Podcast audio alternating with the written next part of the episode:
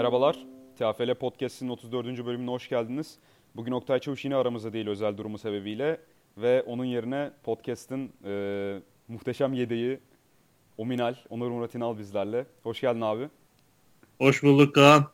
Bu sefer nasılsın? daha hazırlıklı geldim. daha erken için ben de bir konuk getirdim. Öyle konuk mi? olarak evet, Kim var seninle birlikte?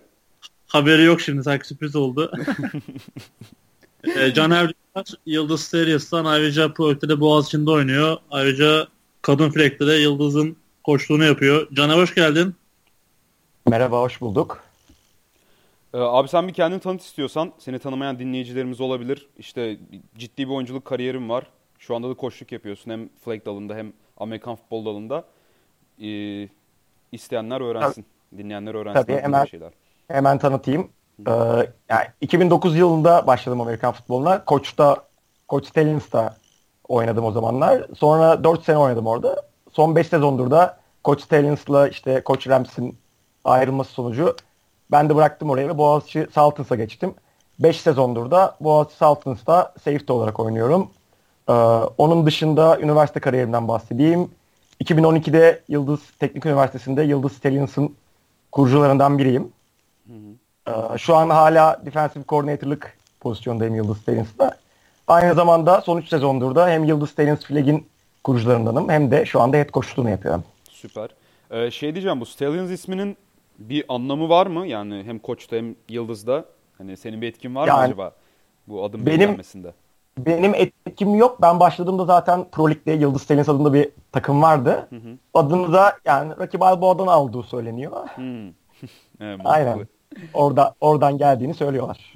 Yanlış anlam olmasın Kaan. Koç Stallions bu arada Koç her zaman Rams'ti. Koç Stallions Pro Lig'in Yıldız'la birleştiği için ortak isimleri gibi bir şeydi. Hı, Aynen tamamdır.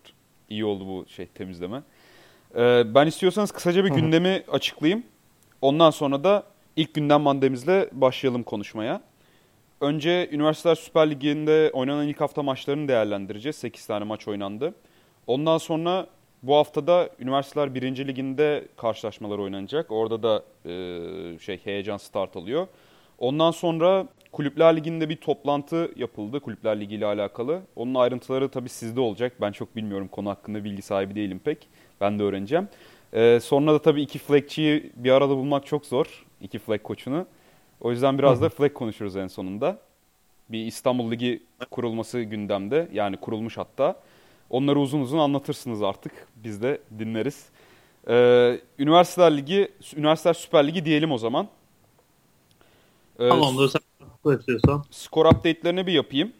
E, haber olarak geçmiştik ama yine de e, oku- okuyamayan vardır. Okuyamadan bu bölümü dinleyen vardır. E, ODTÜ ile Afyon oynadı. 17-8 ile ODTÜ kazandı.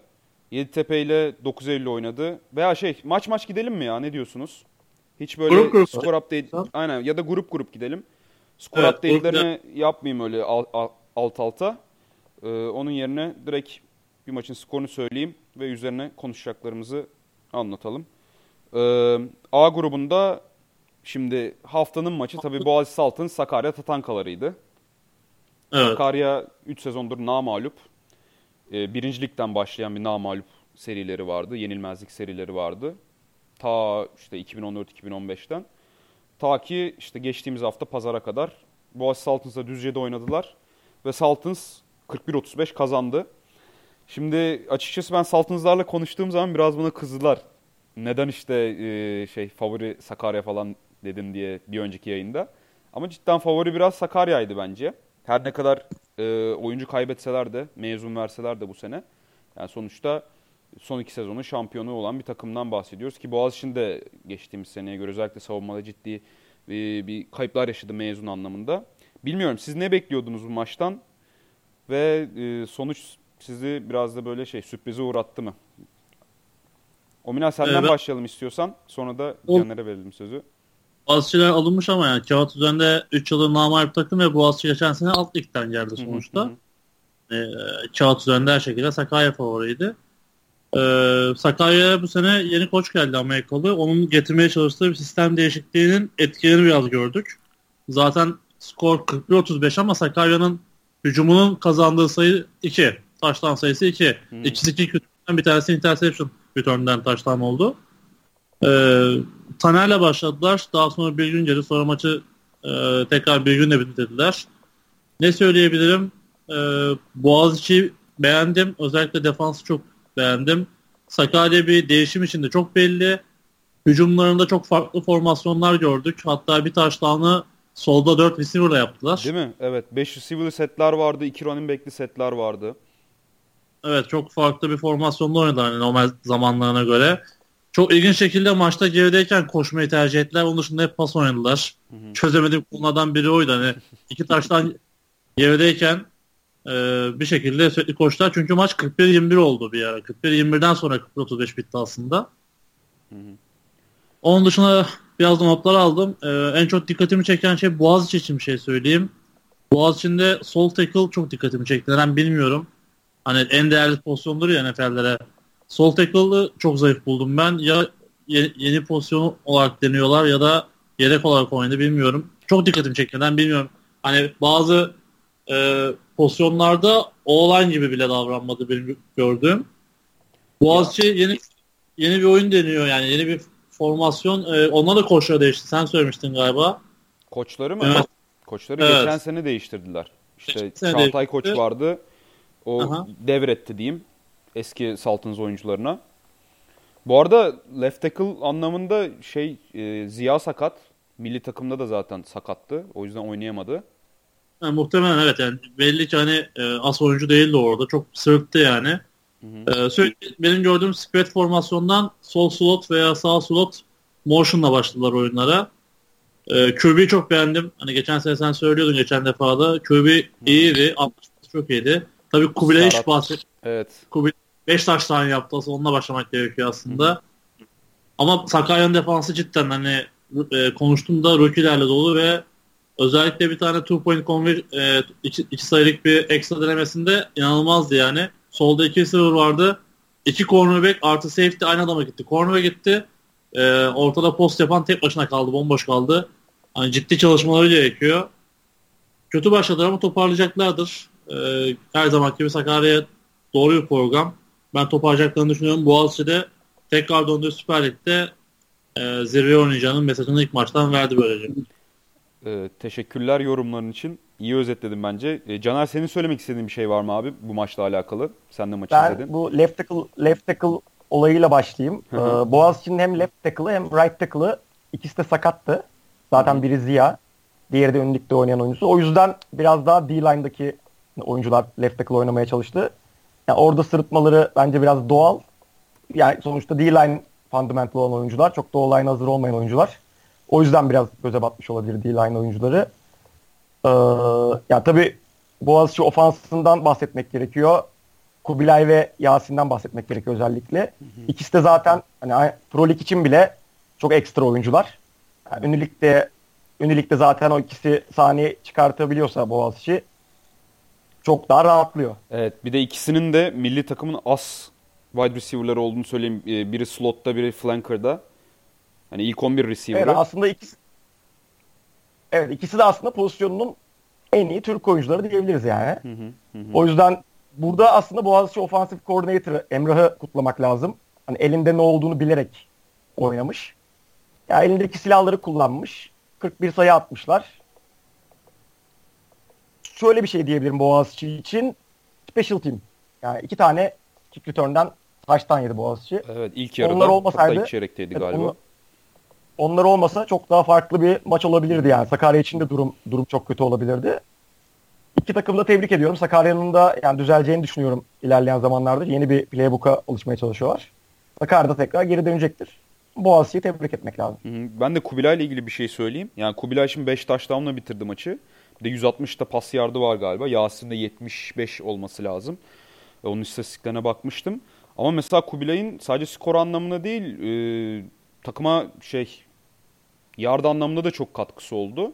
Ama şu anlamda o da karşı tarafa çok fazla ceza yaptırdı. E, defensive pass interference benim saydığım sadece ilk yarıda 4 tane oldu Kubilay'a. İşte bireysel hatalar da tabii Sakarya'nın bireysel hataları da burada etkiliydi. Ama zaten savunması zor bir receiver Kubilay.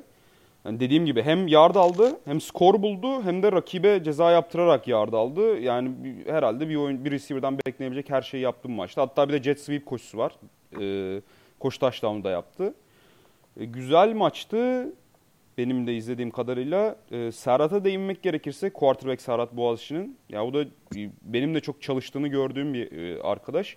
Ki bu sene milli takım e, aday kadrosunda da aday kampında da yer almıştı. Hatta seçilemedi ama e, milli takıma seçilememesinin onu ciddi anlamda kamçıladığını ve bu işte çalışma azmini arttırdığını duydum ben. Ki öyleydi. Bence mesela maçtaki arm strength'i ne bileyim e, oyunu okuması da fena değildi. Bilmiyorum Ominan ne diyeceksin? Ya söyleyince be, ben beğendim ama e, unutmayalım hani demin söyledin Yasin çok ceza aldırdı. Karşısında 3 tane cornerback denediler. Ama çoğunun fundamental eksiği çok barizdi. Hani Caner pozisyonu bayağı daha iyi biliyor ama sürekli QB'ye dönen bir cornerback vardı karşısında. QB'ye döndü anda zaten bitiyor. Zaten taşlarına da öyle geldi çoğu. E, out Ee, koşularda falan ciddi şey yaptı Kubi. Separation çok rahat sağladı. Arkasına falan aldı cornerback'i. Yani double move yapmasına gerek kalmadı. İlk move'da geçiyordu zaten. Öyle bir durum oldu sonra. Ee, ama QB iyi. Tabii hani gelişim olanakları var mı? Var. Ben hani sana da söyledim. Ee, birazcık Reed'de sorun var bence. Reed'in arttırması lazım. Özellikle defansları hani o, e, tümden okuması gerekiyor. Bir iki kişi okuyabiliyor ama tümden okuması konusunda bence biraz eksiği var. Özellikle ikinci arada dikkat ettim ona. Ee, şeyle ilgili bir şey söyleyeceğim. Special Team söyledi. Caner güzel söyledi. Hatta e, Sakarya geriden geldiği için iki tane onside kick denedi. E, onside kicklerin ikisini de alabilirdi. Çünkü Boğaziçi'ndeki oyuncuların e, bazı topu bıraktı. Hani alması gerekirken topu bırakıp izlemeye falan kalktılar, döndüler. E, neredeyse oradan bayağı sıkıntıya düşeceklerdi. Çok güzel onside kickler vurdular bu arada bence. Hatta ikinci onside kickte 15 hafta beklediler. Öyle bir sıkıntı oldu bence Boğaziçi'nde. Yani mutlaka zirve oynayacaklarsa special team çalışmaları çok ciddi çalışmaları gerekiyor. Kick return'ler de öyle bireysel yetenek falan değil. E, ciddi anlamda blok okuma ve e, yani tackle'larla ilgili de sıkıntı oldu orada. Ya ama Boğaziçi hani grup liderliği için çok büyük bir adım atmış oldu. Bir de Üniversiteler Süper Ligi'nde biraz şey ya e, mağlubiyetlerin çok telafisi olmuyor. Yani Sakarya aslında birincilik şansını bir bakıma kaybetti gibi diyebiliriz. Hani Boğaziçi'nin hedef maçıydı bu. Yani hedef maçı derken e, tabii ki favori karşı taraftı ama e, alınabilecek bir sürpriz galibiyeti as- aslında takım kovalıyordu ve bunu istiyordu da. Ve onu da almış oldular. Bakalım bundan sonra ne olacak? Bu maç hakkında söyleyeceğimiz bir şey yoksa A grubunun ikinci maçına geçelim. Bilmiyorum var Ee, mı şey, söylemek, hani- eklemek istediğiniz bir şey? Şans kaybı çünkü iki çıkacak yine bu sene bildiğim kadarıyla. Efendim? Yanlışsam Caner düzeltsin ve ilk iki çıkıyor galiba çeyrek finale. Evet evet ilk iki çıkıyor. O yüzden çok bir sıkıntı olmaz hani iki maçı kazanırsa. Çünkü geçen seneki bütün gruplarda 3-0, 2-1, 1-2, 0-3 bitti bütün gruplar şansa. Hani iki maçı kazanırsa büyük ihtimalle çeyrek finale yine çıkacaktır Sakarya. Yok Sakarya zaten gruptan çıkacak da yani çıkmasını bekliyorum ben kişisel olarak. Ama yani grup birinciliği, ikinciliği yani nasıl olacak Ha, e, grup nasıl? sırası, grup sıralamasındaki yeri onun için söylemiştim. Ya 3 maç var. Yani Boğaziçi kaza bir mağlubiyet alırsa 3 verece bile kalabilir yani. Hep sö- konuştuğumuz konu. Herkes 2-1 olsa 3 verece kalır. 3 verece biri dışarıda kalır. Hiç belli olmaz. Sonuçta diğer takımlarda Otto Afyon. Hani artık Süper Lig'de de kötü takım olduğunu düşünmüyorum. ben. Evet evet.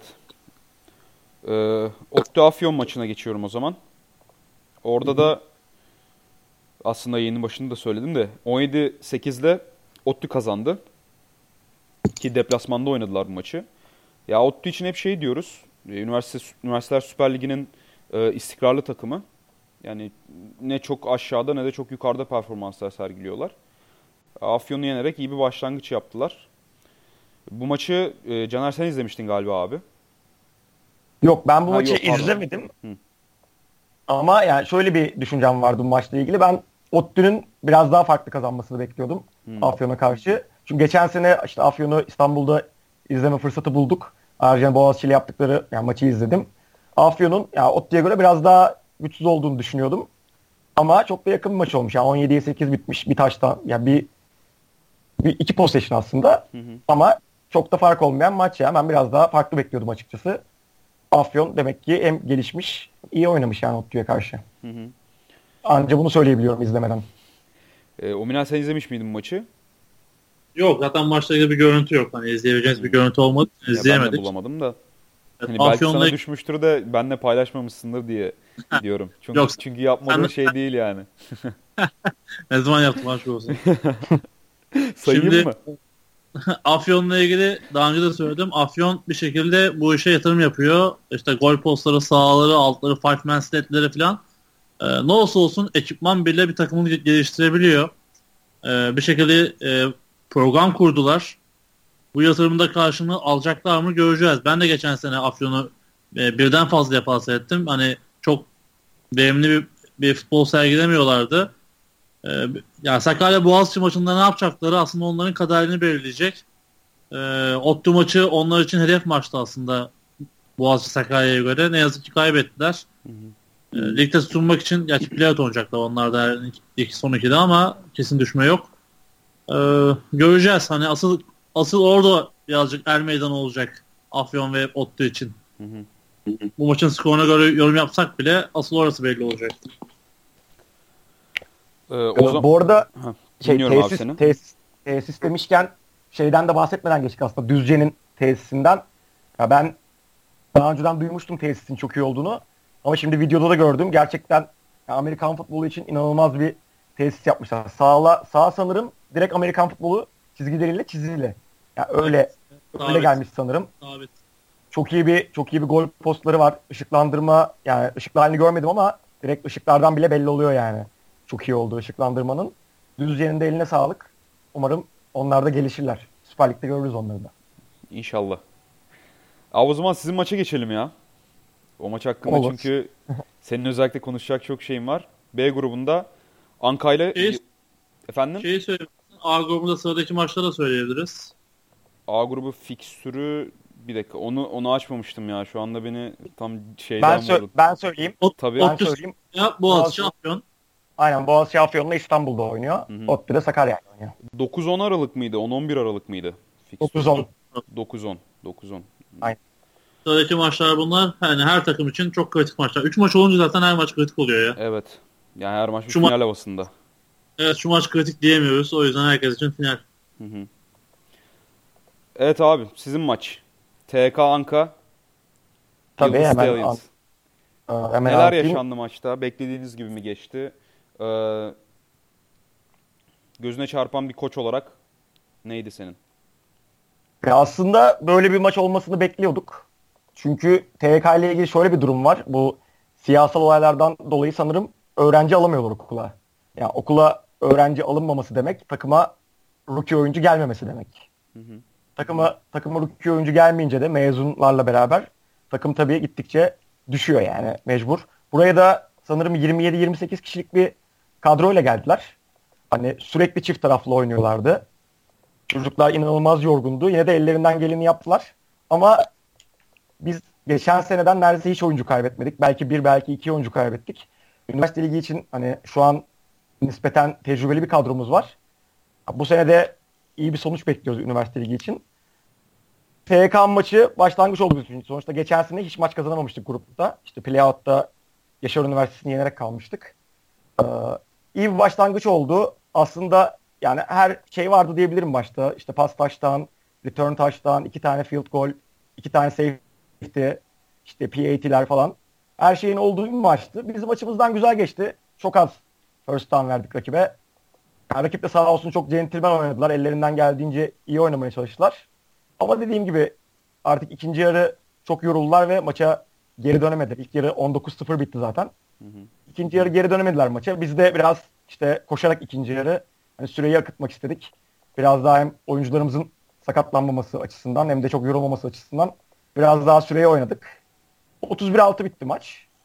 TNT bence güzel bir maçtı. Tebrik ediyoruz sizi. Teşekkür ederim.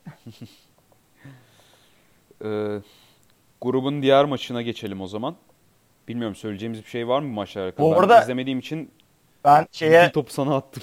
o minele o minele verdim videoyu. Belki dedim onda konuşmak isteyeceğim şeyler olabilir yani.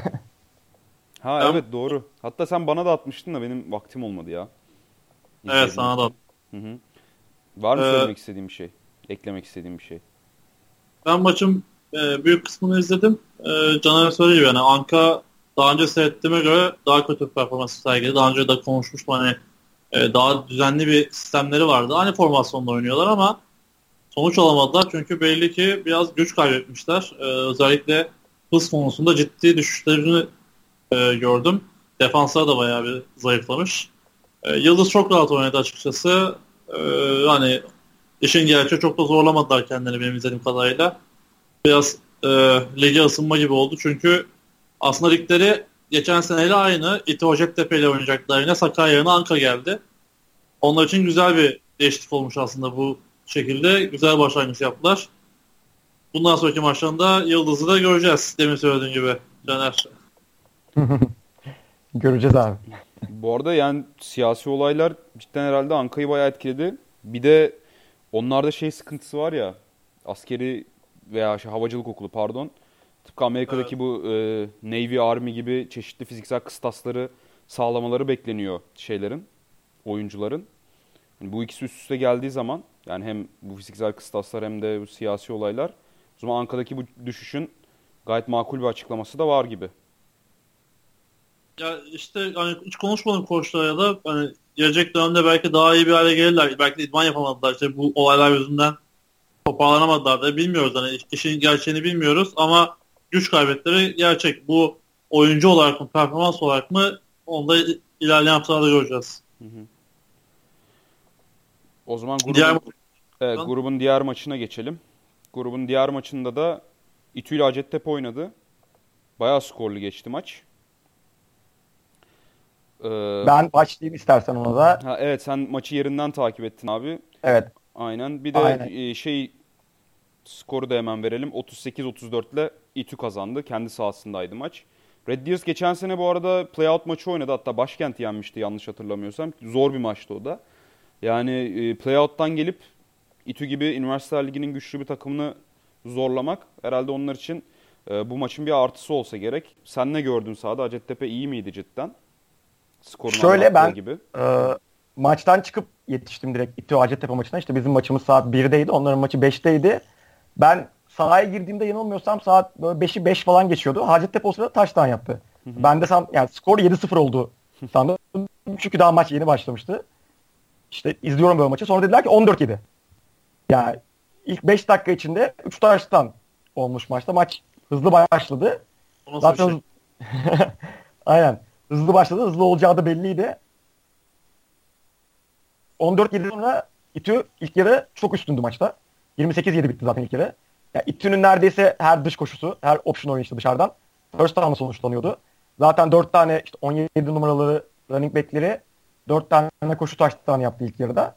İlk yarı 28-7 bitti. Hacettepe'de dikkatimi çeken QB değişikliğine gittiler ilk yarı. Ya geçen sene oynayan bir solak QB'leri vardı. O oynamıyordu ilk yarı. Sonra ikinci yarı demek ki gördükleri şeyi beğenmediler. Geçen seneki solak QB'yi aldılar oyuna. Ve takımı yani deyim yerindeyse ateşledi QB. Hmm. Ee, bir de 17, numara, 17 numaraları bir wide receiver'ları var. Ben yani rookie olduğunu duydum. Gerçekten eğer rookie ise inanılmaz bir ilk maç performansı. Yani havaya atılan bütün topları, bütün deepleri, bütün postları hepsini en az bir bazen de üç kişinin üstünden aldı yani. Çocuk iyi bir receiver kazanıyor eğer rookie, rookie ise. Onun da şeyini verelim, müjdesini verelim. Ee, onun dışında işte İTÜ'nün şey Hacettepe'nin ofansının bu ateşlenmesiyle defansı da bence biraz ateşlendi. İTÜ'yü durdurmaya başladılar. Ee, skor sanırım 35-21'e geldi. 35-21'den sonra işte Hacettepe gerek koşu gerek pas. Bu arada şunu duydum. İTÜ'nün ilk scrimmage'iymiş. Yani antrenmanda bile 11-11 oynamamışlar şimdiye kadar. Yani biraz İTÜ'nün de hazırsızlığı vardı diyelim. Hacettepe ofansı ikinci yarı çok iyi işledi. İşte 35 28 oldu. Şey, pardon 38-28 oldu.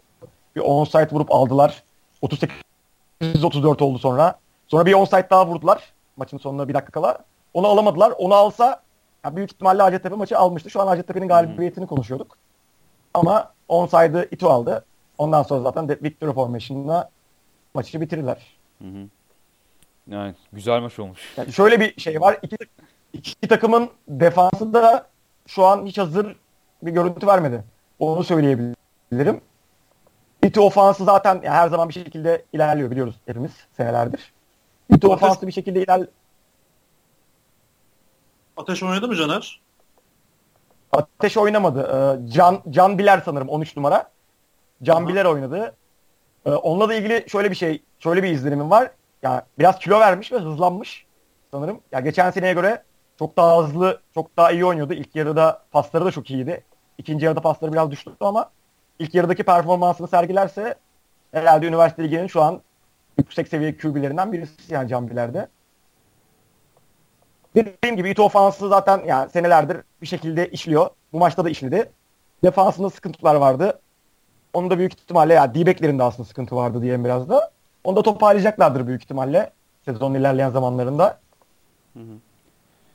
Şimdi siz de Bu önüm- benim maçla izlenimim bunlar. anladım. Önümüzdeki hafta, önümüzdeki hafta dediğim Süper Lig'in ikinci haftasında Hacet- Hacettepe deplasmanına gidiyorsunuz. Bu Ank- maçtan ne evet. bekliyorsun? Bu arada Aynen, Hornets de Anka ile oynayacak doğal olarak.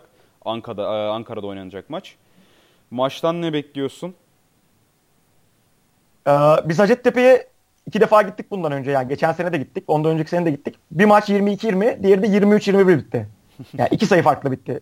İkisi de aslında. Hatta geçen sene son bir dakika iki tane field goal kaçırdık. İşte öyle yenildik diyelim. Ee, bu sene hem takımımız çok hazır. Ya bayağıdır antrenman yapıyoruz. Bayağıdır sürekli işte scrimmage yapıyoruz antrenmanlarda. Çok hazırız. Ya ben bir şu an taraflı bir gözüm ama ben biraz daha kendimizi hazır gibi görüyorum şu an Hacettepe'ye nazaran. O yüzden galibiyet bekliyorum bu maçtan. Ya umarım galip döneriz diyeyim. Güzel. Bakalım. Ya güzel bir maç, güzel bir maç olsun. Hak eden kazansın diyeyim aslında. Tabii canım aynen. Ya bizim temennimiz de olabilir ama senden zaten objektif bir yorum beklemiyordum ya. Hani cidden Yıldız Stallions'ın bir koçu olarak yorum bekliyordum. Yani maksimum bu kadar objektif olabildim. O, Olsun olsun. Tamam Marco oyuncu. Onu da unutmayalım. Efendim Oynuyor. Ayrıca oynuyor. oynama Yıldız- ya kulüpler Yıldız'da oynuyor musun Şimdi bu arada? hala evet hala hala oynayabiliyorum yani. Evet, play call'ları saha içinden mi veriyorsun yoksa şey head coach falan mı veriyor? Defensive Yani call'u. aslında aslında şöyle oynamamayı planlıyordum bu maç. Ee, ben safety oynuyorum. Oynamamayı planlıyordum. Safety'miz sakatlandı. İkinci safety'miz de şöyle bir durum oldu. Bizim işte birinci running back'imiz su altı rugby'si Şampiyonlar Ligi vardı. Berlin'e gitmek zorunda kaldı. İkinci safety'miz aynı zamanda ikinci running back'imizdi. O yüzden running back oynamak durumunda kaldı o mecburen. E ben de üçüncü safety, başka safety yok takımda. Ben de mecburen üçüncü safety olarak sahaya girmek zorunda kaldım. Sahanın içinden verdim play call'ları. Yani Anladım. biraz da alışığım bu duruma aslında.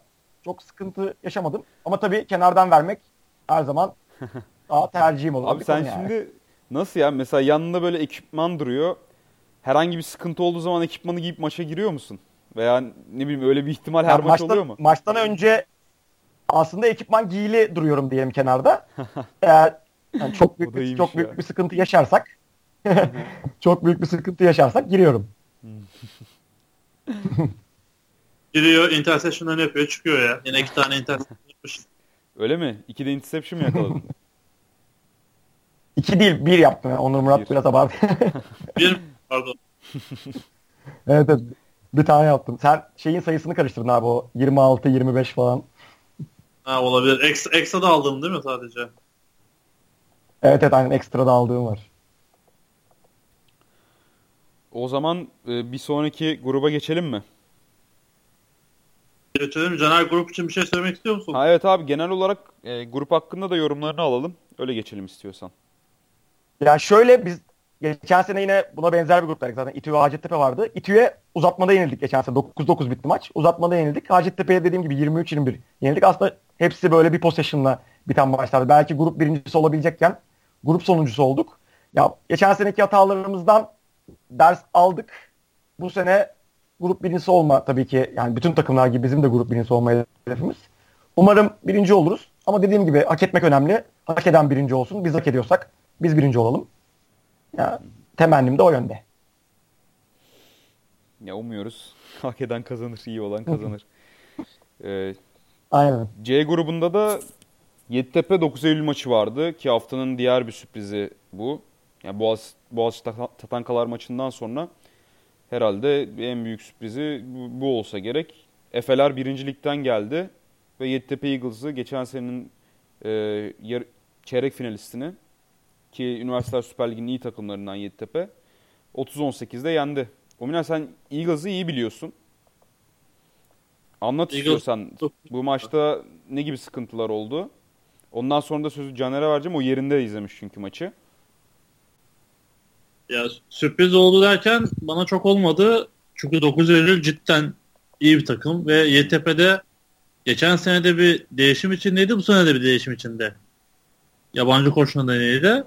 Ee, geçen sene çok oyuncu kaybetti. O yüzden değişimde bu sene de galiba işte sistem de değişiyor. İzlemedim maçı ama duyduğum o. Ee, bir de sezon başı 9 Eylül hazır olarak geldi. Hani erken başladı onlar da idmanlara. Düzenli idmanları var. Ee, maçı izlemedim ama çok izlemek isterim açıkçası. Hani bir görüntü gelmedi. Görüntü gelse de mutlaka izlerdim. Ee, 9 Eylül bu sene koç takviyesi de yaptı. Daha önce Ege'nin quarterback'ini yapan ofans koordinatörü oldu Abu. Ee, Kim? Caner sen Kim? izledin mi? Abu, Abu derken. Ahmet. Lar, Abu. Uminal biz sadece bu camiada senin kısaltılmış adını biliyoruz ya. Biz- Diğerlerini bilmiyoruz yani. Biz senin kadar yaş- söylesen. Yaşlı değiliz abi senin kadar. O da çok eski oyuncu. Yani cidden hani eski oyunculardan ofans koordinatörü yapıyorlar şu anda. Ee, ben izlemek istiyorum maçı. Zaten haftaya da gelecekler işte İzmir'de maç. Ee, Anadolu'yla oynayacaklar. O maçı da iple çekiyorum şu anda. Abi sana Ben- verelim sözü o zaman. Hah aynen. Ben devam edeyim isterseniz. Ee, yani şöyle üniversite ligi biliyorsunuz biraz jenerasyon olayı. Yani iyi bir jenerasyon yakalıyorsunuz. Ligin gerçekten en iyi takımlarından biri oluyorsunuz. Yeditepe bu jenerasyonunu kaybetmiş durumda şu an. Yani defansta gördüğüm kadarıyla hani yaklaşık en az 5-6 oyuncusu direkt rookie oynuyordu. Olayda biraz aslında Yeditepe'nin defansının bu kadar çok rookie oynatması sonucu böyle gerçekleşti bence. Ee, ilk yarısını tam izleyemedim. İlk yarısı 10'a 8 Yeditepe üstünlüğüyle bitmiş bu arada. İkinci yarıyı izleyebildim. İkinci yarı ya Efeler gerçekten çok rahat koştu Yeditepe'ye karşı. İşte Yeditepe'nin de middle linebacker ve safety'si sanırım hani tecrübeli oyuncular. Ya o ikisi de çok yeterli hani takımı kurtaramadı diyelim. Ya ellerinden geleni yaptılar ama çok kurtaramadılar takımı. 9 Eylül çok rahat koştu Yeditepe'ye karşı. Koşa koşa yendiler diyelim yani. Hı hı.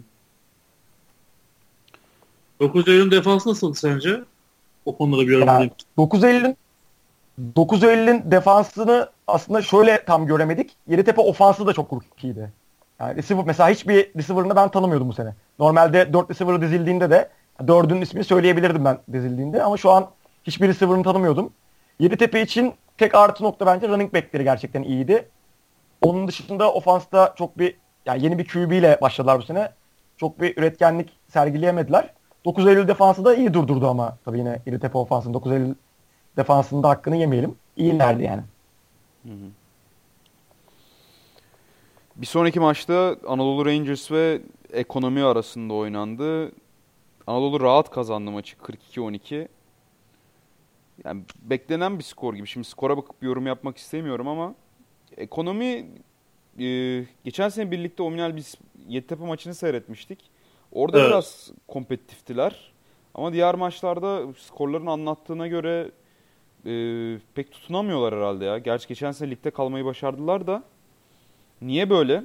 Yani bir şey İzmirli Amerikan futbol sever olarak sana soralım. İzmir. Sonradan İzmirli.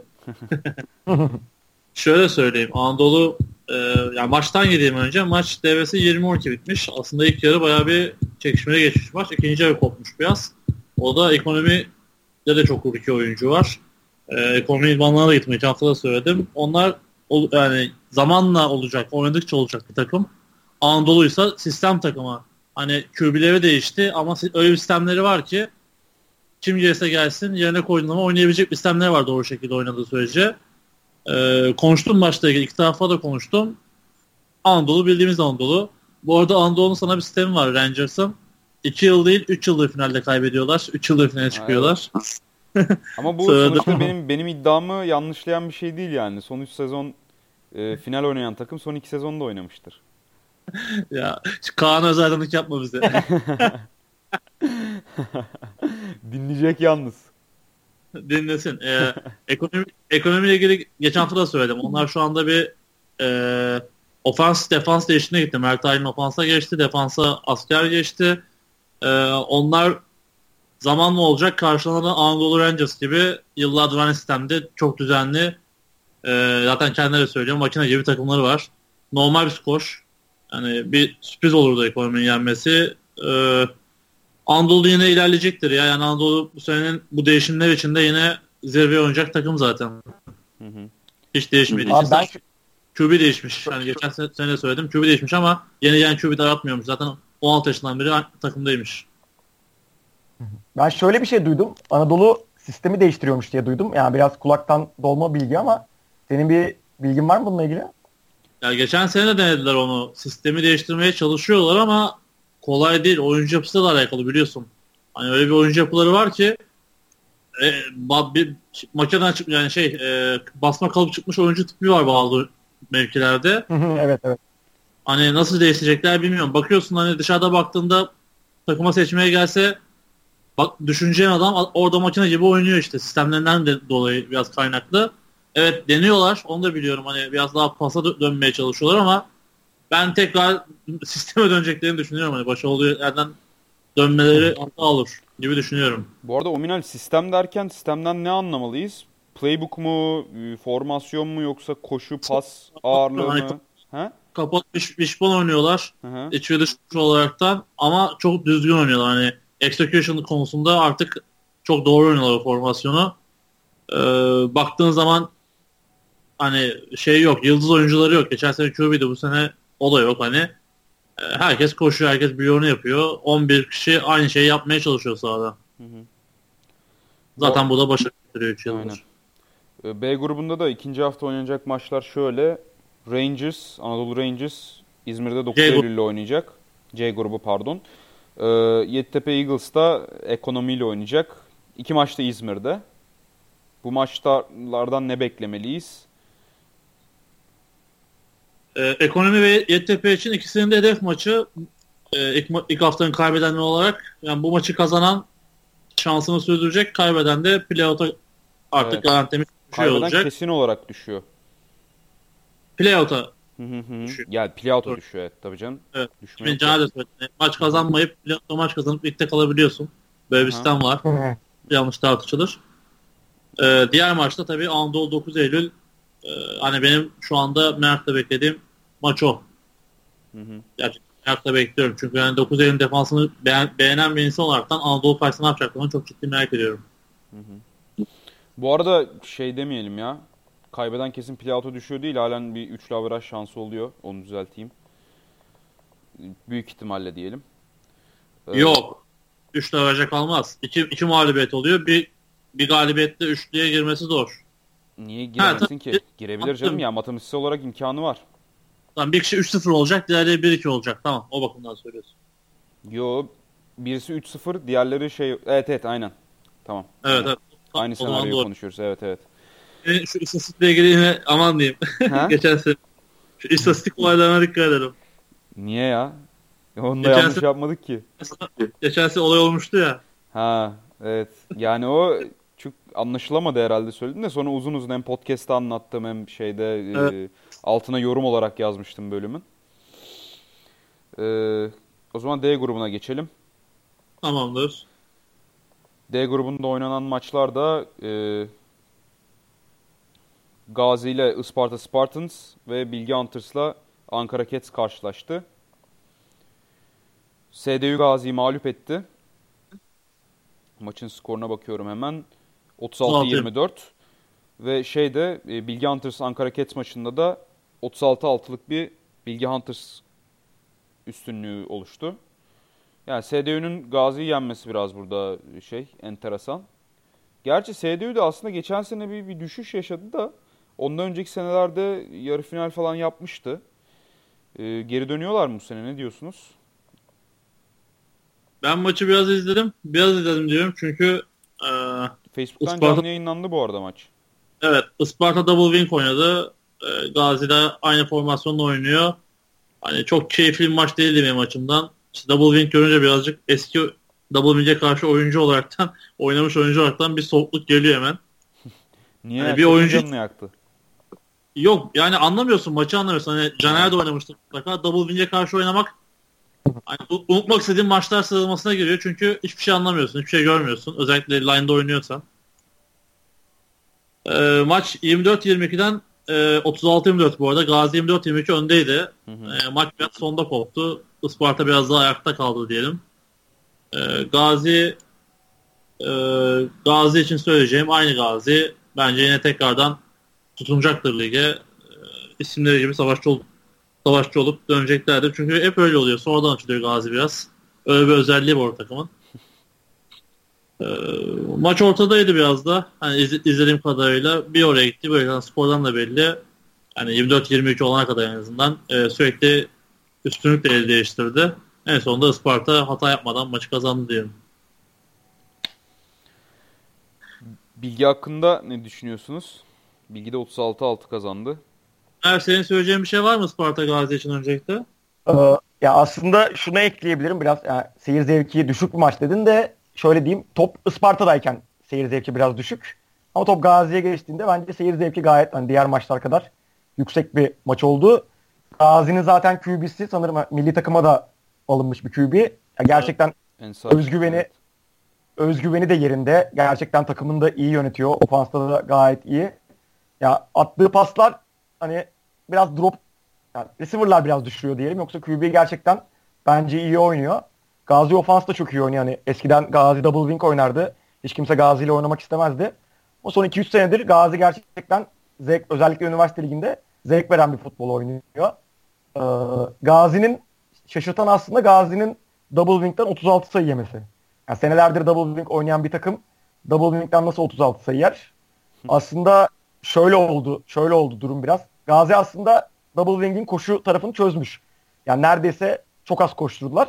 Ama bu hani double wing'de işte 2-3 kişiye fake vereyim sonra deep atayım bir olayı var ya double wing'in biraz. Evet, onu evet, onu Gazi'nin cornerback'leri yani çok uydular. Yani sürekli bütün fake'leri yediler. Sürekli işte hatta aynı oyuncu numarasını göremiyordum biraz. Görüntü kalitesi kötüydü. Aynı oyuncu sürekli işte bir sağdan deep top tuttu, bir soldan deep top tuttu. Böyle böyle ilerledi SDU. Yani 36 sayı da böyle yaptılar. Zaten son sayıyı interception sonu işte 5 yardtan falan yaptılar da. Onun dışında diğer bütün sayılar böyle ilerlemeyi sonucu oldu. Ama 36 sayı yemesi yine de şaşırtıcı yani Gazi'nin double wing'den. Söyleyeyim ama Sparta'nın Gazi'nin double wing'ine göre hem e, quarterback'i hem de receiver daha iyi. Evet, hani, evet evet biraz kişisel olarak biraz daha yetenekli evet, oyuncular var. Fiziksel olarak boy olarak da hani attığı toplar çok düzgün toplardı. Receiver da güzel koşuyordu şimdi yani ve boyu da uzundu. Hani Gazi'nin öyle bir dezavantajı da vardı. Atlarsan QB'sine bayağı kısaydı yani double wing evet. oynarken. Evet ama ya şöyle şöyle bir şey var. Gazi cornerbackleriyle arasında inanılmaz bir separation vardı yani. Hani göremedik şeyi. Yani receiver'ın cornerback'le savaşını göremedik ya havada. Sürekli aslında boş toptu diyebiliriz yani receiver. QB de güzel top attı. E, line de güzel kordu. Tabii tabii güzel. Hani toplar, toplar çok iyi. Evet completion'lar çok başarılıydı. Gerçekten senin söylediğin gibi farkı o yarattı Aynen. biraz. Aynen. Diğer maça geçelim o zaman. Evet evet. Ee, bilgi maçı. Bilgi geri dönüyor mu artık ya bu sene? Yani Bilgi her zaman için içindeydi. Dönüyor derken. ya dönüyor derken işte final oynayan, yarı final oynayan bir takım olacak mı bu sene? Yani bir grubuna bakalım. Gazi, Bilgi, Ankara, Sparta. Bu arada yani şimdi şey... Sparta'nın tabii Gazi'yi yenmesi de bayağı dengeleri değiştirdi. Burada şimdi 3 takımın ciddi şansı var. Gruptan çıkmak evet. için ki Gazi'nin de işte sonradan açılacağını falan söylüyoruz. Bu arada geçen sene Bilgi 3 maçında kazandı onu da söyleyeyim. Hı hı. 3-0'dı yani yanlış hatırlamıyorsam. Hı. Hani geçen sene de iyilerdi aslında düşmediler. Sonradan hani başarılı olmadılar çeyrek final, yarı final aşamalarında. Ee, bilgiyi biliyoruz, koşularını da biliyoruz. Ama şöyle söyleyeyim, hani olumlu başladım ama olumsuz bitireceğim büyük ihtimalle. Yani bir QB, QB yetiştirmeye çalışıyorlar. Burak Şanyon'un koşu yaptığı takımda o QB çok garip geldi bana. Hani maçla ilgili en büyük gördüğüm şey oydu. Yeni bir QB'leri var ve çok garip başarılı gördüm. Efendim? Garip derken? yani Burak Şanyon'un koçluk yaptığı takımda daha böyle bir mobil, daha böyle bir accuracy'si yüksek bir QB beklersin. Daha fundamental'ı daha yüksek. Çok başarılı görmedim açıkçası QB'lerini. Umarım düzelir. Ee, onun dışında Bilgi çok rahat oynadı maçı. Ankara Cats hani bu ligde şu an hazır diye kesinlikle değil. I formation oynuyorlar. I formation'dan reverse yapmaya çalışıyorlar. Hani garip bir şeyler denediler ama defansları çok kötüydü bence. Hatta Caner'e de söyledim. Hani bazı forma numaraları var. Hani özel numaralardır bunlar. E, tackle'ın fundamental yok arkadaşlar Umarım düzelirler. Yani, yoksa işleri çok zor birlikte. Benim gördüğüm bu işle ilgili. Çok fazla da özet geçmeyeceğim. Maçı izledim bir kısmını. Ee, zaten Ankara'nın QB'si 85 numara giyiyordu. Büyük ihtimalle o da orijinal pozisyonu QB değil. Receiver büyük ihtimalle. QB'de de yoktu. Bilgi interception taştan buldu. Lead option oynuyor. Hani QB'den dolayı büyük ihtimalle. Söyleyeceklerim bu kadar. Hı hı. Caner senin eklemek istediğin bir şey var mı abi bu maçla ya, alakalı? Benim yani çok izlemedim maçı. İlme video olmadığı için bir de bizim maçla aynı saatteydi gidemedim doğal olarak. Ama ya beklediğim bir skordu Bilgi'den. Bilgi'nin de bu sene ben gruptan çıkmasını bekliyorum ama biraz da karışık bir grup aslında. Üç takımda bence 2-2 kalabilir bu grupta ve üçlü averaj sonucu belirlenebilir yani bu grubun durumu. O yüzden atılan yenilen sayılar da bence bu grupta fazlasıyla önemli grubun kaderini belirleyebilir bu. Hı hı. Yani bildiğin o zaman artı 30 averajı şu anda iyi baya. Ama üç, üçlü averaja, üçlü averaja Ankara Rockets girmeyeceği için Ankara Rockets'e attığı sayının çok da bir önemi evet. olmayacak gibi duruyor şu an. Ha, ha doğru evet pardon evet. Ya bu hafta İyi çok önemli. O grup yine aslında işte her grup aynı şey söylüyor ama bu hafta o grubun biraz belirleyicisi olacak gibi duruyor. Hı hı. Tamam o zaman Üniversiteler Süper Ligi'ni kapatalım. Çünkü daha konuşacağımız çok konu var. Sıradaki maçları da söyleyelim hızlıca istersen. Ha evet bu o... grubu da söyleyelim hemen.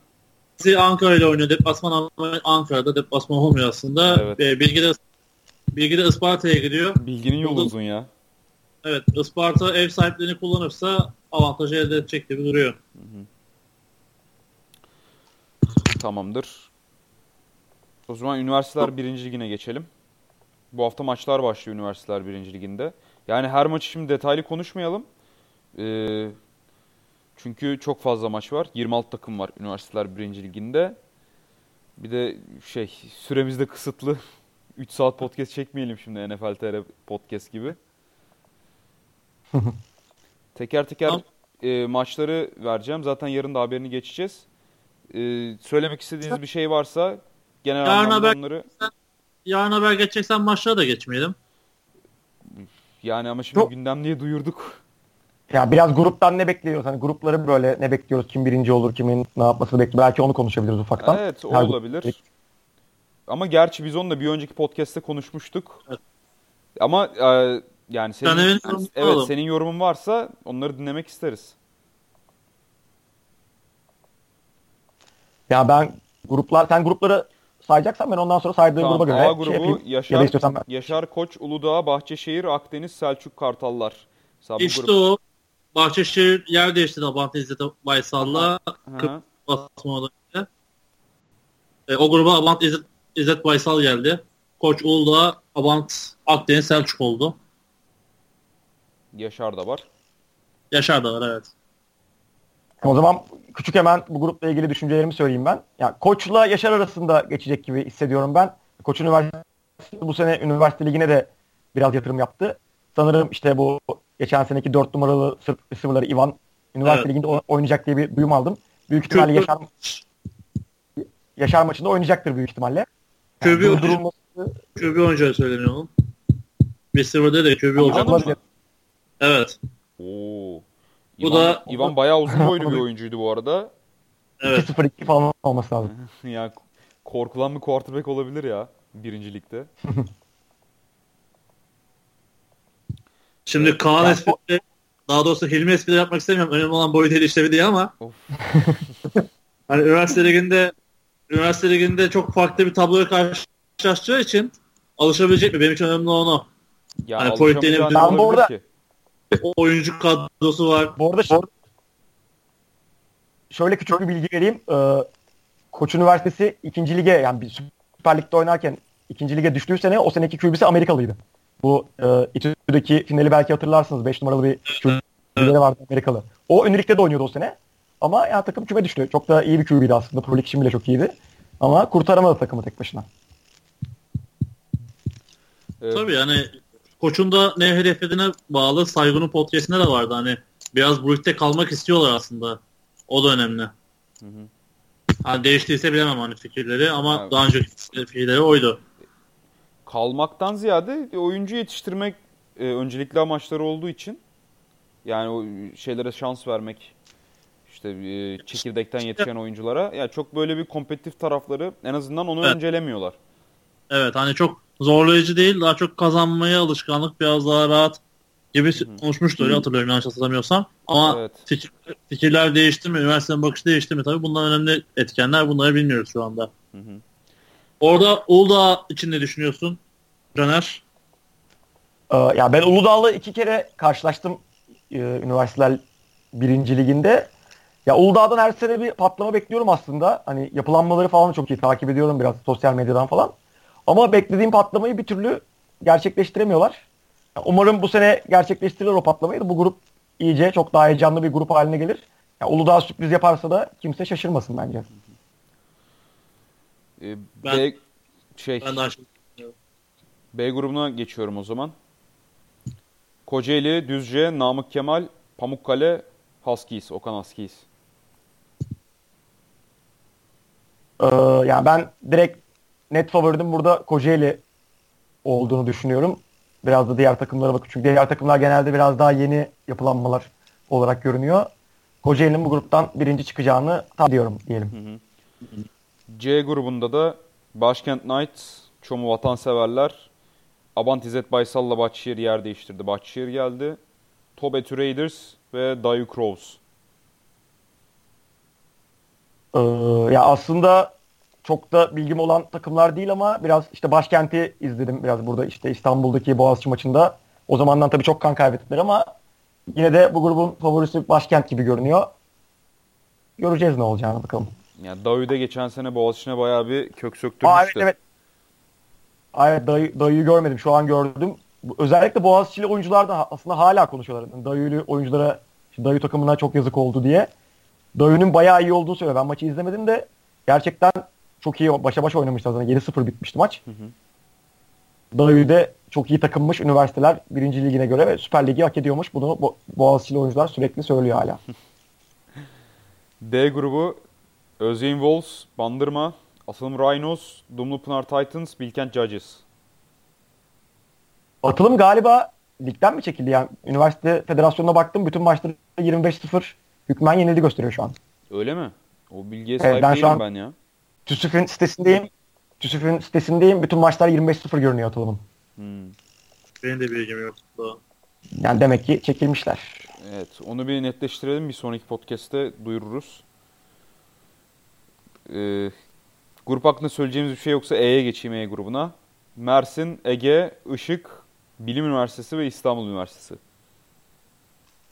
Ee, ya bu grupla ilgili şöyle bir biraz bilgiye sahibim. Hani Işık ve İstanbul Üniversitesi'nin oyuncular Boğaziçi Saltinsa'nın Pro Lig takımına geliyorlar. Az çok bilgi sahibiyim bu grupla ilgili. Işık'la İstanbul maçını aslında dört gözle bekliyorum. Ee, Davutpaşa'da zaten büyük ihtimalle Yıldız Teknik bizim sahada oynanacak. Maçı da gidip yerinde izleyeceğim. İstanbul biraz daha favori gibi görünüyor bu grupta. Çünkü şöyle bir şansı var İstanbul'un. e, açık öğretim var İstanbul Üniversitesi'nde. Ve ya oynamak isteyen etraftan tanıdıkları herkese açık öğretimde İstanbul Üniversitesi'nde alıyorlar. Ve kadrolarına yerleştiriyorlar. Bayağı şu an iyi durumdalar. Kadro olarak, isim olarak, kadro isim olarak. O yüzden biraz daha şanslılar diyelim diğer takımlara göre. İstanbul bir Koç de o- açık yaptılar? öğretim dışında da büyük bir üniversite ya. Haberin var mı? Tabii tabii. Çok büyük bir üniversite ama dediğim gibi yani şu an mesela Boğaziçi Saltınız'da oynuyor diyelim İstanbul Üniversitesi'nden oyuncular. E, Boğaziçi Saltınız'da üniversite okumayan öğrenciler de var. Onları konuşuyorlar işte. Açık öğretimle İstanbul Üniversitesi'ne yazdırıyorlar onları. Hmm. O şekilde İstanbul Üniversitesi kadrosunda kullanıyorlar. E, iyi yöntemmiş. Şöyle söyleyeyim. Açık öğretimde uzaktan öğretim diye bir şey var ve sınavsız girebiliyorsun mesela üniversiteye. Hmm. Onlar da oynayabiliyor Ya, mu ya o, takımda? evet, o, da, o, da olabilir. Evet. Bu oynayabiliyorlar. Bayağı bug'ı ya. Uzaktan Evet. öğretim nedir ya?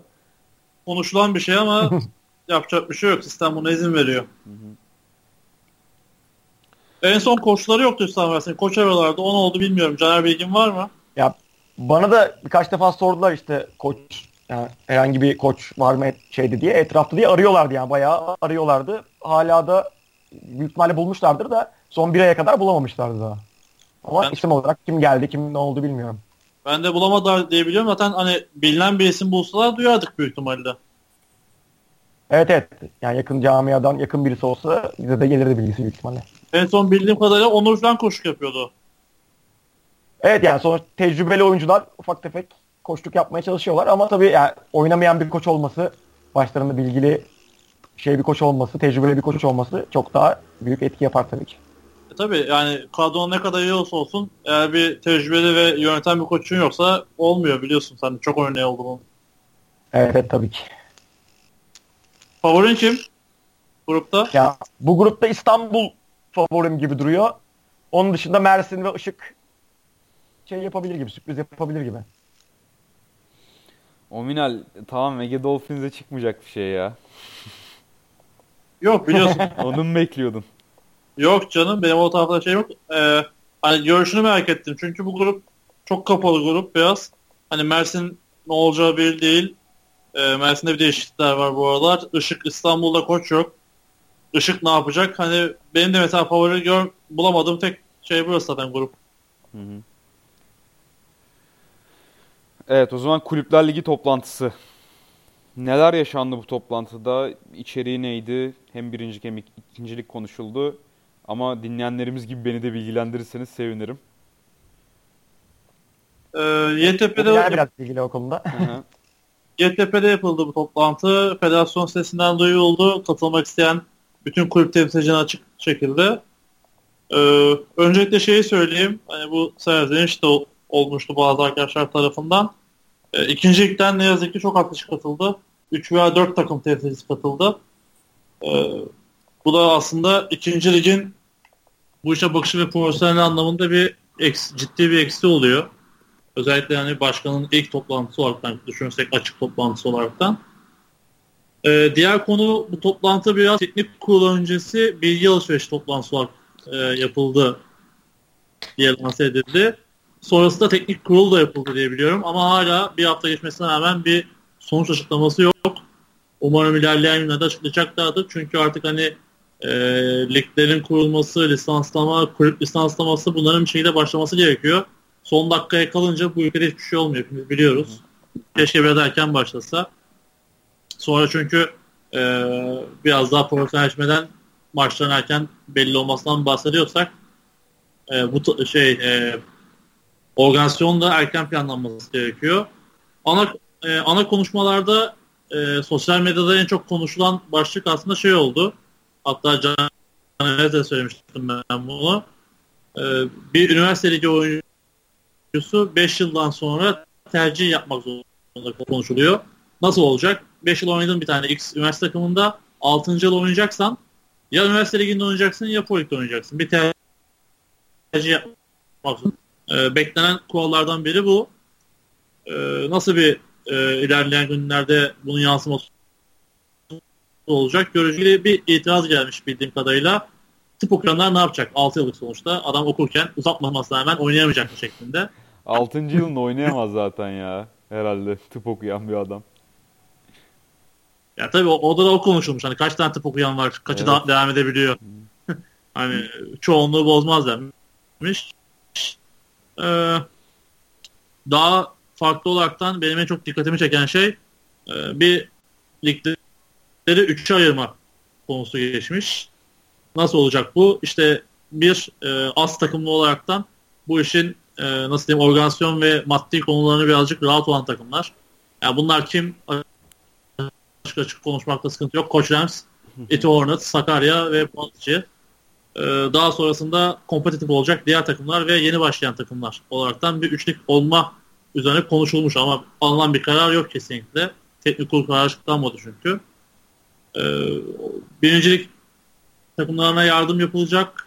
Diğer konu. İkincilik takımlara da sadece e, koç, Amerikalı koç veya e, yabancı koç veya import oyuncu getirirse bir maddi destek konuşulmuş. Bu da işin e, başka bir tartışma boyutu ama demin söylediğim gibi ikincilikten çok fazla temsilci gitmediği için de çok fazla ya gidenler de geçen sene düşenler hafta Gazi Hacettepe gitmiş, Ozu gitmiş, Sabancı gitmiş bildiğim kadarıyla. Sanırım 9 Eylül'den bir kişi gitmiş. Geçen sene takımlar yok ama bu sene ol- olabileceğini düşünüyorum ben de. Ee, ne yazık ki hani en yakın Kocaeli, Bursa bile temsilci göndermemiş diye biliyorum. Yanlışım varsa düzeltirler. Benim duyduğum bu orada değil sonuçta. Notlarıma bakıyorum.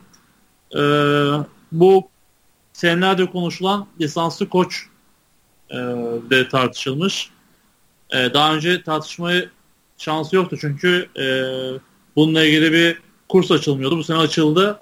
Bu sene bu uygulanacağı konuşuluyor. E, onda da şöyle bir durum var benim şahsi yorumum. Gerçi onda da yapacak bir şey yok. Birinci kademe antrenör belgesi verildi bu sene. E, ben de aldım ama mesela normal e, yasal olarak da maç yönetemiyorsun. Yardımcı koç olabiliyorsun aslında. İkinci kadem olman gerekiyor. Hatta bu milli takımla ilgili ben sana söylemiştim Antık'tan. Hı hı, hatırlıyorum hatırlıyorum. Yapması yazıcı ve Oktay Çavuş'ta var bu belge Türkiye'de sadece. Onlar da yurt dışındaki gelen e, antrenör açtık kurslar. Çünkü bu kursu verecek kimse yok Türkiye'de. Diye biliyorum. Hani Oktay Çavuş böyle söylemiş zamanında en azından. Yanlış hatırlamıyorsam. Bu sene uygulanacak mı? Ben de bunu merakla bekliyorum. Eğer bu uygulanırsa e, takımlar ciddi sıkıntı yaşayabilir ya da koçlar değerlenebilir. Hani bu işin farklı boyutları da var. Büyük ihtimalle koç belgeleri kiralanmaya kadar gider yani. Daha önce yapılmıştı bunlar. Başka federasyonlarda. Ee, diğer bir konu e, başkanın söylediği bir şey olmuş. Ee, özellikle Süper Lig takımlarına kendi sahası olma şartı olması söz konusu. Ve hani bu üç ligi ayrıldığı zaman, birincilik olduğu zaman da kesinlikle bir U19 takım kurma zorunluluğu gelecek. En kötü bir liseyle anlaşıp U19 takımı kurmanız gerekiyor denecek. Ki bu sporun gelişimi için e, liseye bu işi yaymak konusunda çok kararlı konuşulmuş ki doğru bir şey benim için. E, biz hani 10 yıldır aynı şeyi söylüyoruz. Aşağı inmediğin sürece bu iş üniversitede başladığı sürece bir yere gidemiyor. Artık bu koruma futbolu olur, frek de olur. O artık federasyonun bileceği iş. O iyiymiş de bu e, şey sağ zorunluluğu birçok takım için sıkıntı olmaz mı ya? Boğaziçi'nin yok mesela sahası. İşte bir şekilde ayarlanması söylenecek. Hani bu işin demin söylediğim organizasyon ve maddi konusunda sadece ekipman koç değil sağ da yatırım yapması istenecek takımlardan. Ve şu anda hani demin de söyledim Düzce Afyon bu işi yapıyorsa İstanbul takımlarına bir şekilde yapması gerekiyor. Gerekse ortak bulmaları gerekiyor. Yani bir şekilde maliyet veya üniversiteleri ikna edip ya da ne bileyim sponsorları ikna edip sağ konsola yatırım bekliyor federasyon benim anladığım kadarıyla. Yani her takımın kendine özel bir sahası mı olacak? Sahasını mı yaptıracak? Yoksa şey mi? Yani bir, bir yeri Ya kiralayacak bir sezon boyunca ben buradayım diyecek federasyona. Bu da kafi olacak mı? Ya büyük ihtimal kafi olacak çünkü onun düzeni sağladıktan sonra hani gol postunun düzeni sağ çiziminin düzeni sağlanması gerekiyor. Hmm. Hani aslında doğru bir şey çünkü şu oluyor. Geçen senelerde de yaşadık bunu. E, maç oynanacak. Futbol maçları arasında maç yetiştirmeye çalışıyorsun. Maç uzarsa maç oynama şansın kalmıyor mesela. Böyle şeyler de yaşandı. Hani doğru bir hareket. Yani biraz daha bu işi profesyonel düzgün yapacaksak, milli takım seviyesini yükseltiyorsak bunu bir şekilde çözmemiz gerekiyor. Bu saha çok kötü olur. Caner hatırlar mı bilmiyorum. Yıldırım Demirel stadı vardı Kurtköy'de. Hiç maç yaptın Evet, mı Caner? evet. Yaptım. Allah'ın unuttuğu bir yerde futbol takımlarını kullanmaya boş ver. Sadece hani önden geçen bilen sahaydı. Sadece Amerika futboluna özgüydü. Gerekirse böyle şehir dışında sap bulunacak. İyiymiş. Sonra o sağ, sağ bu arada atıl durumda kaldı en son. En son koyunlar oturuyordu ama yapacak bir şey yok. Ee, diğer bir konu konuşulan bir konu milli takım tesisleri ve e, kulüpler açılacak tesisler konusunda konuşulmuş. Ee, bu bir tane normal futbol için yapılan bir tesis varmış ama o tesisi uygun görmemişler. Termik santralin yanındaymış çünkü tesis. Yani ne yazık ki ülkemizin başka gerçekleri. Ee, Çorum'da bir tesis konuşulmuş. Çorum'da bir tesis yapılıyormuş. Bu tesisin Rugby Federasyonu ve koruma futbola tahsis edebilme imkanı doğabilirmiş. Bu ne sağlayacak? Ee, isteyen takımlar artık o seçim nasıl olacak ben de bilmiyorum. Ee, sezon ortası veya sezon sonunda e, te, e, tahsis edilme şansı da olacak. Bu da sporun gelişimi için güzel bir gelişim. Benim notlarım bu şekilde. Ee, Zaten şeye sonuç bildirgesine gerek kalmadı ki her şeyi söyledin. Ya benim orada olmama hemen öğren, öğrendiklerim, öğrenebildiklerim bu kadar. Hani çevreden de gördüklerim bu kadar. Ee, başka bir şey var mı diye tekrar hızlıca bakıyorum. Yok. Ee, hani güzel güzel projeler var. Umarım olur. Bazı şeyler evet e, zor gibi geliyor. Demin söylediğim gibi sağa ama bunlar olması gereken bu sporu gelişmesini istiyorsak bir şekilde e, elini taşın altına koymak gerekiyor. Hani yoksa sürekli işte aynı şekilde 10 yıldır 15 yıldır aynı, aynı şekilde devam ediyor. Bir şekilde gelişmesi gerekiyor. Bir daha var onu da söyleyeyim. Ambulanslarla ilgili ambulans ücretleri var. Hani bu polik takımlarını ve üniversite takımlarını yoran bir süreç. Onunla ilgili de galiba bir olumlu gelişme olabilirmiş ama e, garanti bir şey yok. Hani bir firma varmış anlaşılırsa çok cüzi miktarda bu işi yapacak. Hı hı. Aklıma o da geldi. Onu da dahil edeyim. Teşekkürler ya bu güncellemeler için. Ama federasyondan net bir açıklama geldiği zaman zaten onu da konuşuruz. Ya bu şeyde. söylediklerim zaten e, söylediklerim tamamen e, konuşmalar. Hani kesin karar değil. Kesin karar teknik kurul alacak. Bu hemen e, yapılan tartışmalar üzerine. Birazcık basın özelliğimizi kullanaraktan söylediğim evet, evet, şeyler. Aynen. Ama güzel, güzel yani. İyi oldu bunları öğrendiğimiz. Çünkü baya önemli konuda şey var. Kararlarını bekliyoruz biz. En azından konuşulmuş baya bir önemli konu. Hani hakkında bir nihai karar çıkmasa bile bunların konuşulması güzel olmuş. Yani bu federasyon daha önce de söylediğim gibi bir şeyler yapıyor, yapmaya çalışıyor diyelim en azından. İşte milli takım olsun, diğer konular olsun. Ee, bir şekilde koruma futbolunun artık e, nasıl diyeyim bir basamak yukarı çıkması gerekiyor. Bunun için de bence doğru adım atılması gerekiyor. Ya, umarım olur. Ne olsa olsun her zaman benim bir şeyim vardır. 1 büyüktür 0. Üzerine bir şey koyduğumuz sürece bu sporun için bir şey koyduğumuz sürece başarıdır benim için. Hı hı. Çünkü biz hani ne yazık ki yıllarca üzerine bir şey konmadan da bu şeyin sporun devam ettiğinde gördük. Bir bilgi daha vereyim. Bu hani toplantıdan bağımsız. Ee, geçen seneki İstanbul Pendik Hammers'la Okan Askis birleşmiş. Okan Bufalos olmuşlar. Bu sene lige o şekilde girecekler. Ha. Vay. Da yeni takım Buffalo. Bu takım adları da çok ilginç ya. Düzce Panthers, Karabük Steelers. Ha, Steelers en azından şey de biraz böyle e, mantıklı geliyor da niye evet, Buffalo Karabük... mesela? Ya nasıl seçeceksin?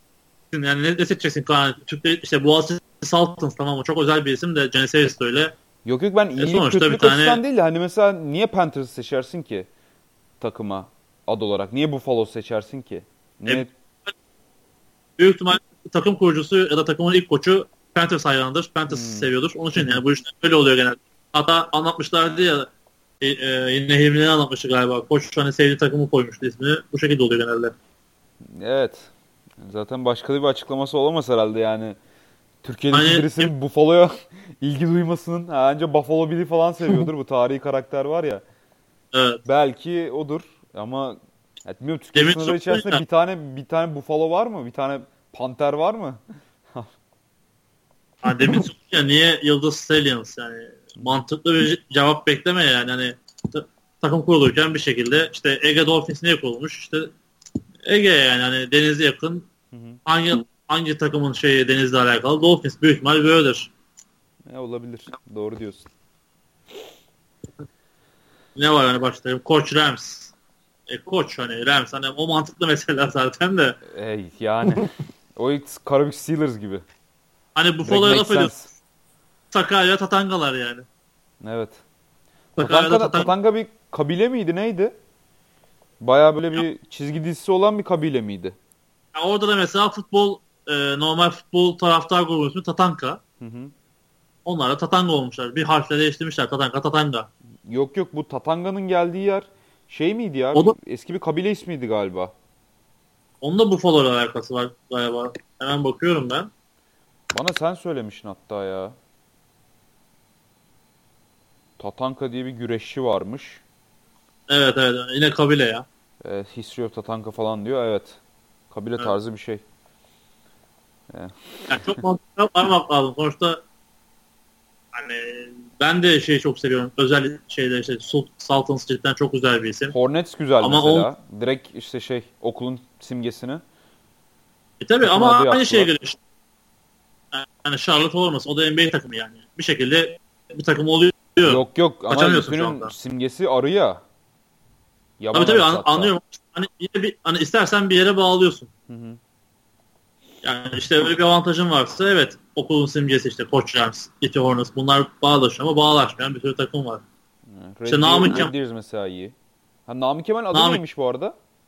Ravens. Kuzgunlar Ravens. yani. Hmm. Hmm, e, bunu konuşmuştuk pardon aynen. Edgar Allan Poe falan demiştim hatta ben. Atılım, Onunla bir atılım. Hani bunların mantık bulma şansın çok, çok yok ya. Elbet, elbet bir tane eğlence ortamında çıkmış isimlerdir bunlar büyük ihtimalle. olabilir olabilir. Neyse ya vallahi konumuzu bir 20 dakikadır konuşturmuyoruz. Caner buradasın mi? Buradayım buradayım yaşıyorum. Artık şey flag diyelim ya o zaman. Yok Caner bir oyuncusu olarak da söylesin. Hani bu konuda yorum yapmak isterse onu da yorumunu alalım. Özellikle ligin Ya 3 ben ne düşünüyor onu, onu merak ediyorum. Yani ligin 3 ayrılması konusunu çok aslında anlayamadım nasıl bir ayrılma olacak. Hani bu sonuçta Yedi, mesela Yeditepe'yi söylemediniz bu. Yeditepe de işte yüksek bütçesi olan hani Pro Lig'de bayağı yukarılara oynayan bir takım. Mesela Yeditepe neden bu dörtlünün içinde 5. olarak yok? Mesela ben onu düşündüm direkt sen söyleyince. Yani mesela YTP neden işte e, geçen sene de tekrar döndü mesela onun için olabilir. Çok basit bir cevap veriyorum şu anda. Yani tabii ki bu sayı çok ben kendi e, mantığımla kurduğum bir sayı. Böyle bir sayı yok. Belki de şu anda 8 takım devam edecek birincilik. ikincilik, üçüncülük ayrılacak. O da olabilir. Ya daha önce Yani olabilir. vardı hani o, e, Oktay Çavuş'un söylediği bir şey vardı. Hani NFL'de NFL gibi sistem getirdiğin zaman ne gerekiyor? Belli şartları sağlayan takımlar kalabilir sadece. Hani bunu da öyle yapabilirsin işte. Atıyorum altın lig, gümüş lig, bronz lig. Altın ligde şu kadar bankada paran olacak, sahan olacak, gol postun olacak. İşte böyle bir koç kadron olacak. Lisanslı oyuncu sayın bu kadar olacak diye bir şart koyabilirsin. Tabii bu sene olacak bir şey değil zaten bence. Bence de bu sene olması zor. Ama yani tabii belli şartların sağlanmasını istemek bence de mantıklı.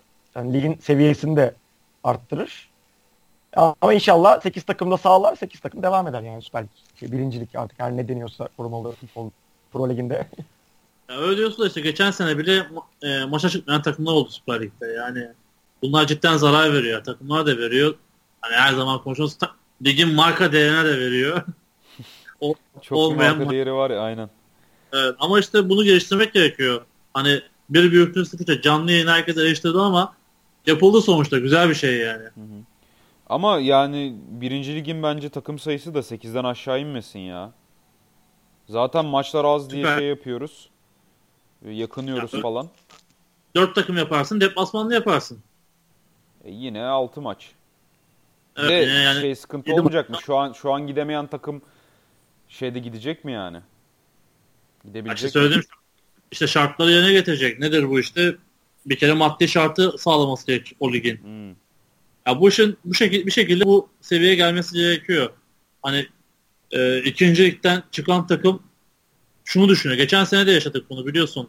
E, işte bu federasyon seçimlerinden önce ben bu lige katılamayacağım diyen lige çıkmış takım vardı. Neden? Maddi şartları yerine getiremediği için. Bu da ciddi bir zarar veriyor yani. Her takıma zarar veriyor. Hı hı. Neyse ya fileye geçelim. Geçelim.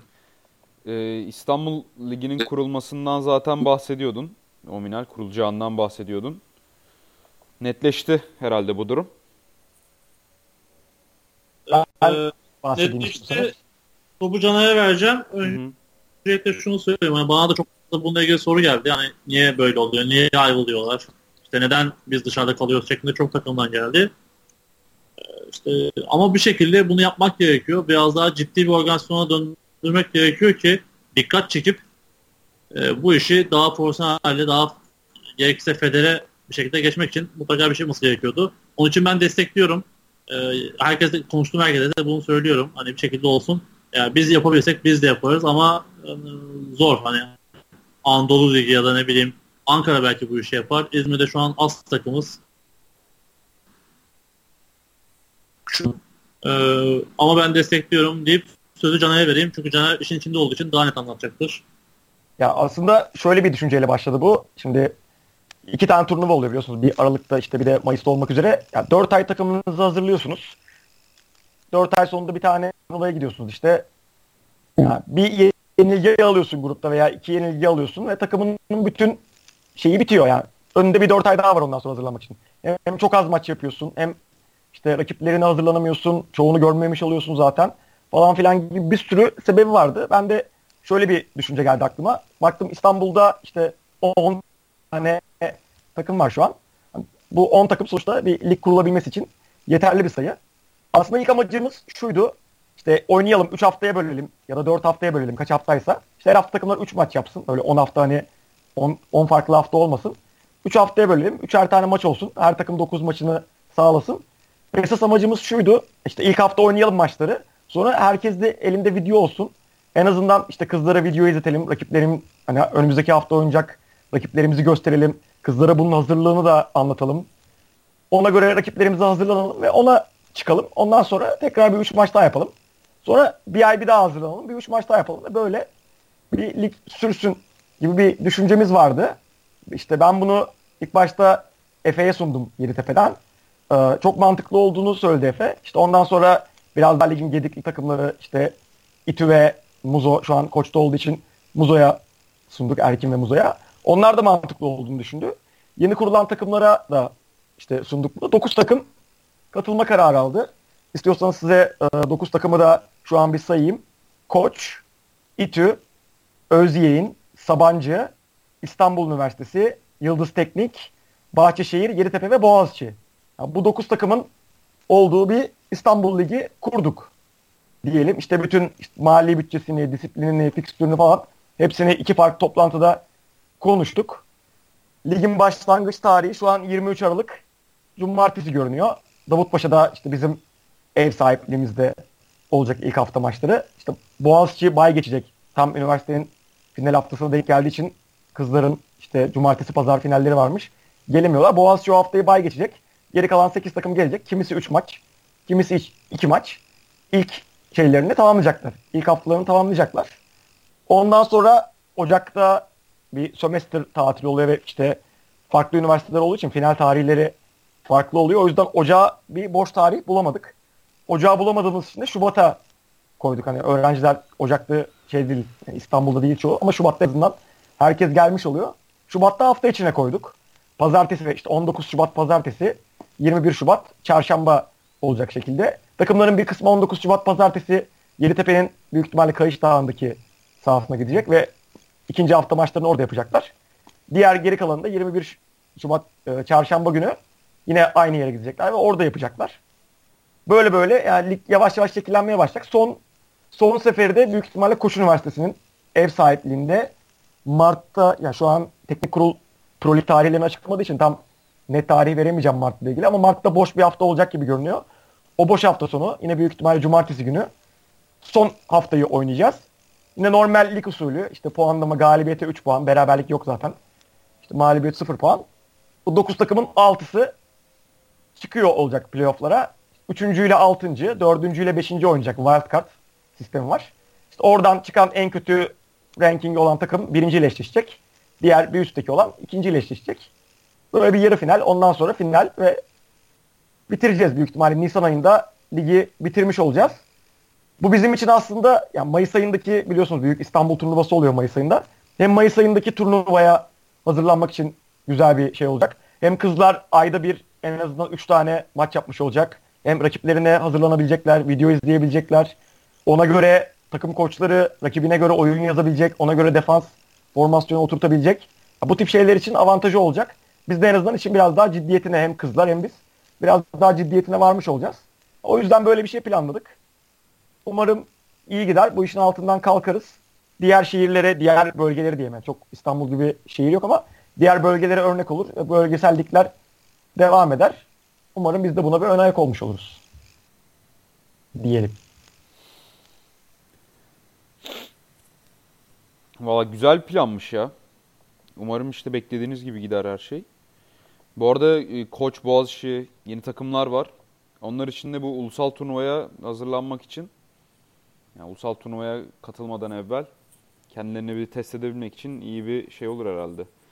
İyi bir organizasyon olur. Tabii tabii özellikle yeni takımlar için yani çok büyük bir şey. Mesela Boğaziçi biraz çekingendi hani katılsak mı katılmasak mı diye. Ben hani Boğaziçi'nin sonuçta arkadaşlarım hepsi konuşurken şey dedim. Hani sonuçta bunun sonucu çok da önemli değil. Sizin için yani bütün maçları kaybetsem bile öyle bir şey yok tabii yenebilirler yani bütün maçlarında. Bütün maçları kaybetsem bile en azından takımın hazırlanmış olur. Evet. Şeye.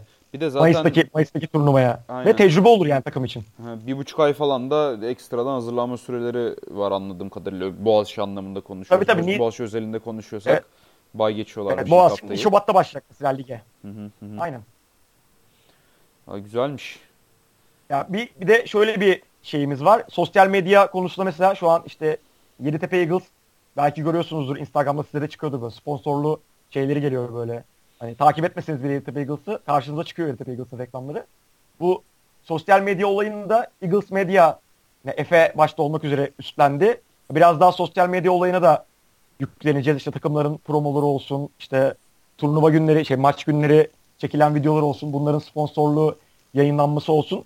Hani biraz daha flag futbolu aslında duyurmak da esas amacımız. Hani en azından belki lige sponsor oluruz, belki Türkiye büyük turnuvaya sponsor oluruz. Bunlar için de bir ön ayak olmuş olacak. Bakalım. Ominal senin söyleyeceğin bir şey var mı konu hakkında? Ya şöyle söyleyeyim. E, Caner'le sürekli konuşuyoruz. Büyük ihtimalle de bir aksilik olmazsa e, maçlara gitmek istiyorum, izlemek istiyorum. Yardımım dokunsa da bir, ne dokunursa onu da yapmak istiyorum. E, bu sporun gelişimi için çok faydalı olacaktır. E, özellikle bu İstanbul takımları için tabii yani biz bir e, İzmir takımı olarak dışarıda kal, dışarıda kalıyor olsak da dezavantajı olsa da spor gelişecek sonuçta. Ya Caner söyledi çok doğru. Hani bunu sadece e, bu şekilde turnuva yapanlar bilir. Bir gün içinde ya da iki gün içinde 7-8 maç yapmak çok farklı bir şey. Hani ne sen verim verebiliyorsun ne takım verim verebiliyor ve e, psikolojik olarak da çok ciddi yoruluyorsun oyuncu ve koç olarak. Söyledikleri söylediği gibi Caner'in bunu lig haline döndürdükten sonra hem oyuncu hem takım hem de koç olarak gelişim sağlama şansın çok daha e, kolay oluyor. Ee, güzel olacak bence. Yani dedin ya inşallah olur diye yapılması için hiçbir sebep yok. Bunu yapmak isteyen insanların hepsi Amerikan futbolu camiasında çok tecrübeli isimler. İşte Caner'dir, Efe'dir, Erken'dir, Muzo'dur.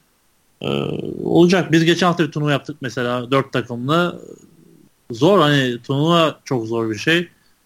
Ee, koç geldi. Hani dedi ya koç e, tecrübe kazanacak diye. Koç zaten e, tecrübeli bir takım bu arada altyapı olarak. Hani eski itili oyunculardan e, altyapı olarak kurulu bir takım. Ya öyle de ne olursa Düzenli- olsun yeni bir şey değil mi? Yeni bir oluşum değil mi yani? Yani biz maç yaptık. E, aynı hani çok bir değişiklik yok açıkçası. Nasıl? Yine- şey mi? İTÜ'nün omurgasını aldılar ve evet. şey mi? Yeniden Aynen. mi canlandırdılar o omurgayı? Caner, Caner de maçları izledi. Bir iki oyuncu dışında e, zaten aynı aynı gibiler. Aynı sistemde oynuyorlar. Hmm. Aynı e, hızlı oynuyorlar en azından öyle söyleyeyim. Hani tecrübedeki en büyük şey hız faktörü oluyor bu sporda. E, oyun hızları çok hızlı hala ve adaptasyon süreci de çok fazla olmamış bu yüzden. Başarılılar ve çok da iyi takım olacaklar belli ki. E, güzel olacak ya. Hani ben de merakla bekliyorum 23 Aralık'ı büyük ihtimalle İstanbul'da olup izleyeceğim. Hakem işini ne yapacaklar bilmiyorum. Konuştunuz mu onu? Caner onu da sorayım. Yani hakem işini şöyle konuştuk. Aslında Berk Karacık biliyorsunuz bütün turnu- turnuvalarda bize yardımcı oluyor. Bu işi Evet. biraz daha Berk Karacık'a Berk Karacık'a bıraktık gibi. Onun kuracağı bir hakem kadrosu olacak maçlarda. İşte aynı zamanda Berk Karacık büyük ihtimalle disiplin kurulu disiplin kurulu kuracağız bu arada. Onun da başkanı olacak. Biraz turnu şeyin başında ligin başında o duracak gibi. Hakem olayı ve disiplin olayını biraz daha ona bıraktık şu an. Dikkat zaman Caner.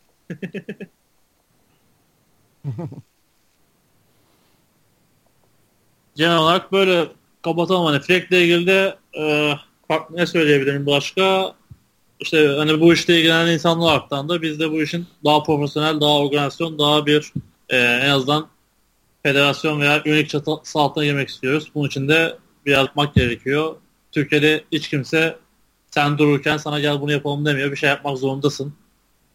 Ee, onun için de arkadaşları tebrik ediyorum. Hani birebir de tebrik ettim. Buradan da tebrik edeyim. Umarım beklediğimiz sonuçlar olur. Ee, skor anlamında değil, organizasyon anlamında bu işi daha ileri götürebiliriz. Tabii zaten yani ilk olarak skor anlamında değil organizasyon anlamında bizim de beklentimiz var. Şu an hani tabii ki kazanmak, yenmek, yenilmek önemli ama ilk olarak organizasyonu başarılı atlatmanın peşindeyiz şu an. Atlatırsak hem önümüzdeki seneler için bize tecrübe olur. Hem dediğim gibi diğer bölgelere de bir ön ayak olmuş oluruz umarım.